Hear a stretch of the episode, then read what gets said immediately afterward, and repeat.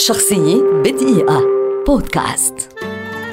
نيكوس كازانزاكيس كاتب وفيلسوف يوناني ولد عام 1883 ويعد واحدا من أبرز وأهم وجوه الفلسفة والأدب في القرن العشرين. درس القانون في جامعة أثينا ثم ذهب إلى باريس عام 1907 لدراسة الفلسفة. ولدى عودته إلى اليونان بدأ ترجمة الأعمال الفلسفية. خلال مسيرته. تولى كازانزاكيس مناصب إدارية وسياسية عدة لكنه دائما ما كان يتركها ليعود لعمله الأدبي.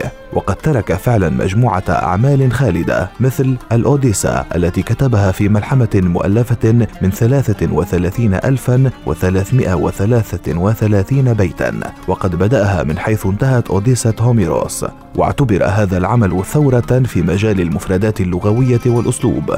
وأظهر مدى عمق معرفة كازانزاكيس بعلم الآثار والأنثروبولوجيا. كما كتب وترجم العديد من الأعمال الأدبية الهامة منها الثعبان وزنبقة الحرية أو الموت تقرير إلى جريكو وغيرها لكن أبرز أعماله وأشهرها على الإطلاق والرواية التي حققت له الشهرة العالمية والمجد هي رواية زوربا اليونانية التي تعد من أهم وأعظم ما قدم في تاريخ الرواية العالمية والتي تحولت إلى فيلم عام 1964 ترشح كازانزاكيس عام 1956 لجائزة نوبل للآداب لكنه خسرها بفارق صوت واحد لصالح ألبير كاميو الذي قال أن كازانزاكيس يستحق الشرف مائة مرة أكثر منه.